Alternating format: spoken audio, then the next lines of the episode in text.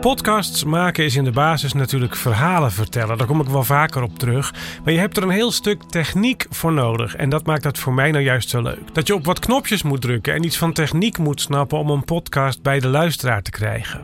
Dit is Kennisbank aflevering 22. Hoe komt dat geluid eigenlijk van jouw microfoon bij de oortjes van je luisteraar?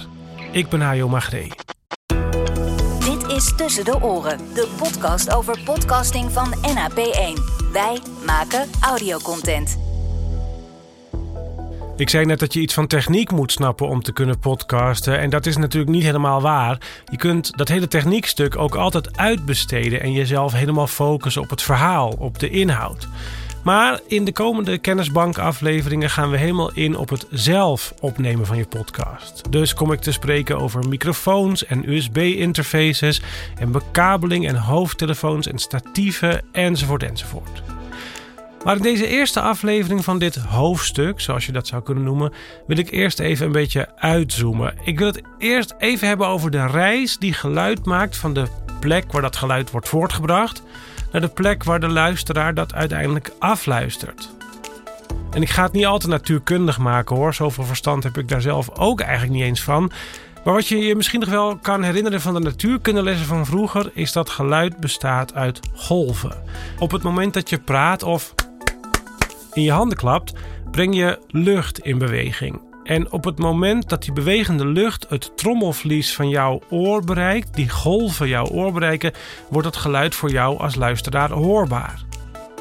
En omdat lucht bij het uitspreken van een O anders in trilling wordt gebracht dan bij het uitspreken van een de, een k of een e, kunnen we honderdduizend verschillende klanken en geluiden hebben, honderdduizenden woorden maken.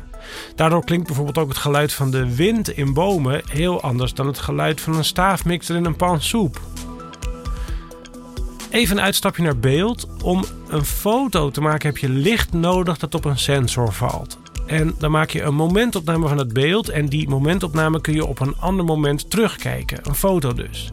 En bij bewegend beeld heb je in feite een heleboel fotootjes achter elkaar. En dan kun je dat bewegende beeld dus op een later moment terugkijken. En zo is het bij geluid in feite ook. Alleen heb je dan geen camera, maar een microfoon. En die microfoon die vangt geluidsgolven op. En vervolgens kun je die geluidsgolf ergens anders weer ten gehore brengen. Vroeger bijvoorbeeld bij ouderwetse radio werden geluidsgolven uit de mond van de presentator, woorden die ze sprak, tot een geluidssignaal gemaakt. En dat werd door zenders gegooid. En radio's konden die geluidssignalen weer opvangen en die via een speaker weer omzetten in geluidsgolven in een woonkamer heel ergens anders.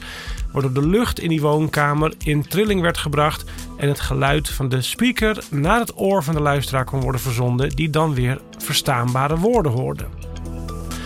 En zo werkt het met een podcast in feite ook. Met twee verschillen. Het geluid wordt tegenwoordig digitaal getransporteerd.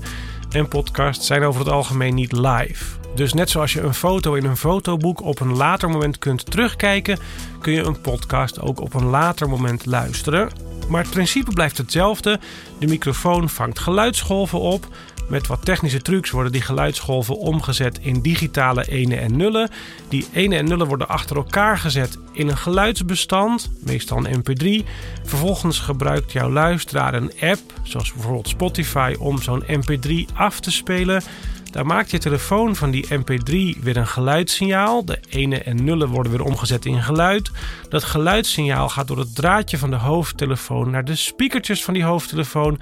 Die speakertjes brengen lucht in beweging. Die lucht bereikt jouw trommelvlies en zo luister je naar een podcast. En zo, heel technisch gesproken, is het opnemen van een podcast dus het digitaliseren van geluid. En dat kun je op allerlei manieren doen en daarover gaan de volgende afleveringen.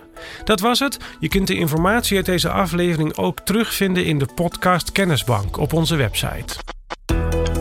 Dit was Tussen de Oren van NAP1. Wij maken audiocontent. NAP1.nl